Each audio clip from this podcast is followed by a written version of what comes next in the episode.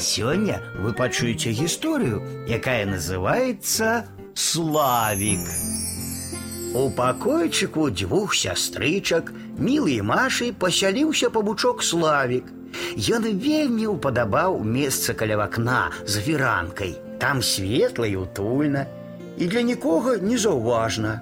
Раніцай маці будзіла дзяўчынак.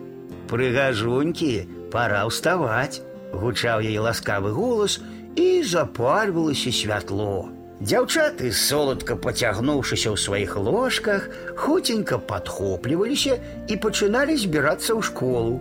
Але найперш яны беглі рабіць ранішнюю зарадку. Павучок цікаваў за імі за фіранкі. Ён таксама спрабаваў разводзіць у шыркі свае восем ножак, але так як у дзяўчынак у яго не атрымлівалася. Славік ніколі не быў у школе і вельмі зайздросціў Машы і міле, калі тыя апраналі сарафанікі, запляталі коскі і вясёлыя беглі на заняткі. Ад дзяўчынак ён даведаўся, што школа гэта вялікі дом. Там багата вучняў і настаўнікі расказваюць ім шмат шмат цікавага. Вось бы мне ў школу, марыў павучок. Я навучыўся пісаць, чытаць і, як і дзяўчынкі, чытаў бы кніжкі. Але ён быў толькі маленькім павучком і ніяк не мог выправіцца ў далёкі шлях. Ды і хто яго возьме ў школу.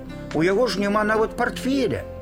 Каб не сумаваць, Славік змайстраваў у куточку акенца павуцінку. Яму здавалася, што гэта ягоны ветразь, а ён адважны капітан. Славік павольна гойдаўся на сваёй лёгкай павуцінцы і марыў пра падарожжы. Першы вярталася са школы Маша. Яно і зразумела, у другім класе урокаў менш, чым у чацвёртым, у якім вучылася міла. Маша цярпліва чакала сястру.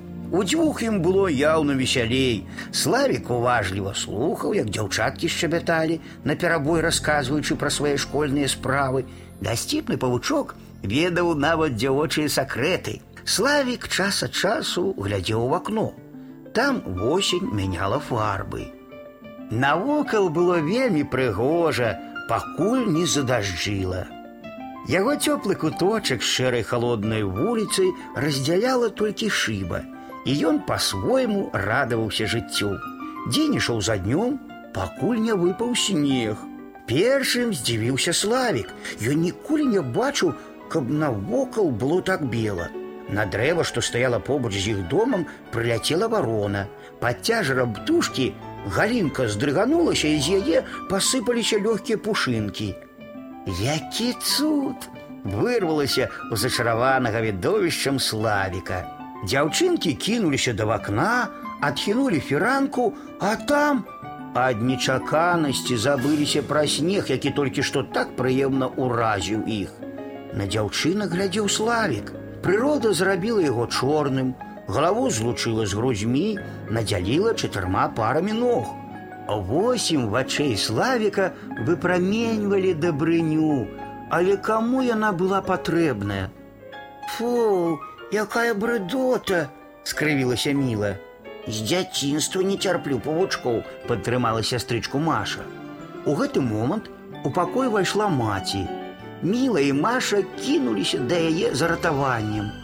Дзяўчаткі, павучок прынёс нам такую прыемную навіну, першы снег. Навошта нам яго крыўдзіць, і тым больш не варта баяцца. Ён такі маленькі і бездапаможны. Міла і Маша сумеліся. Ім было вельмі сорамна перад славікам. А ён сапраўды вельмі мілы, прамовіла міла. Не дадзім цябе ў крыўду нікому, расчулілася Маша. Пасмялелы славік у знак згоды паварушыў ножкамі.